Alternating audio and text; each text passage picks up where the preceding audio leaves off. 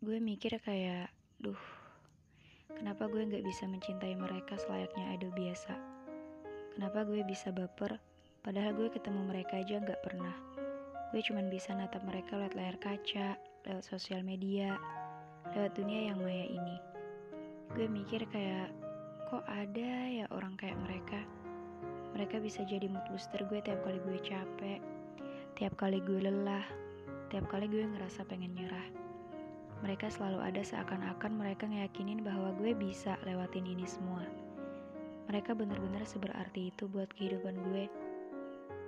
Gue gak habis pikir sama perasaan bahkan diri gue sendiri. Gue sayang sama mereka. Sayang banget.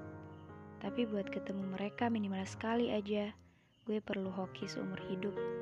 Dan itu antara mungkin gak mungkin. Gue bener-bener gak bisa bayangin kalau suatu saat gue mau gak mau harus lepas dari sesuatu yang berhubungan sama mereka. Entah itu karena gue yang udah dewasa dan harus lebih fokus sama realita, atau karena pada akhirnya orang yang selama ini gue idolakan udah bahagia sama keluarga kecilnya. Gue mikir kalau semua emang seharusnya berjalan dalam batas wajar.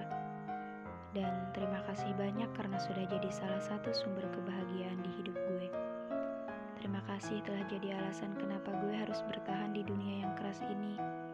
Jadi alasan kenapa gue harus tetap hidup. Gue nggak ngerti gimana kehidupan berjalan dan gue juga nggak tahu gue ke depannya bakal gimana. Tapi jadi salah satu orang yang juga mengidolakan mereka udah jadi hal terbaik yang gue dapetin selama hidup.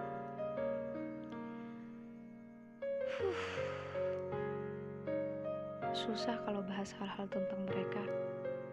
Rasanya kalimat apa pun terlalu sederhana untuk mendeskripsikan mereka yang luar biasa. Mereka bukan cuma idola, tapi juga healing terbaik ketika gue lagi nggak baik-baik aja. Gue tahu gue cuma orang biasa, sedangkan mereka mereka hampir disukain seluruh dunia. Tapi boleh gak sih gue berharap buat ketemu mereka di kehidupan selanjutnya? Bukan, bukan sebagai penggemar dan idola, tapi sebagai manusia biasa. Gue mau ketemu mereka sebagai mereka, bukan sebagai idola yang selama ini gue harapin mereka ada di realita dan kehidupan yang gue rasa.